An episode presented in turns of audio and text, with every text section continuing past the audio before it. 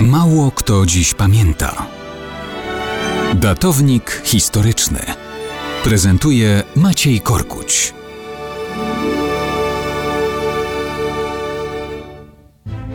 Mało kto dziś pamięta o bitwie pod Toulousą, jaka rozegrała się 9 czerwca 721 roku.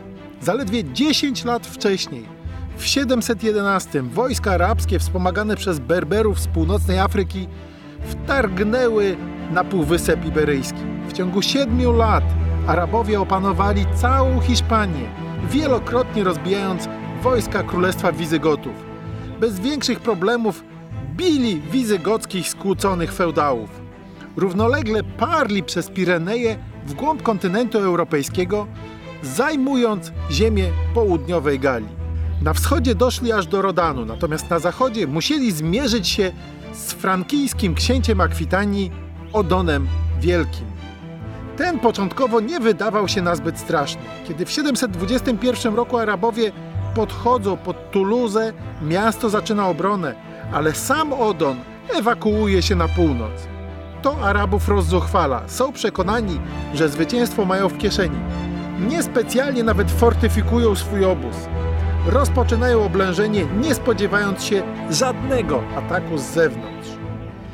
Książę Odon w tym czasie zabiega na północy o wsparcie Królestwa Franków.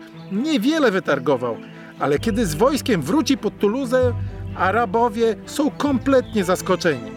Atak sił akwitańskich 9 czerwca 721 roku dosłownie miażdży wojska Arabów. Ciężko ranny w bitwie ich wódz, As-Samh ibn Malik al-Haulani wkrótce potem wyzionie ducha.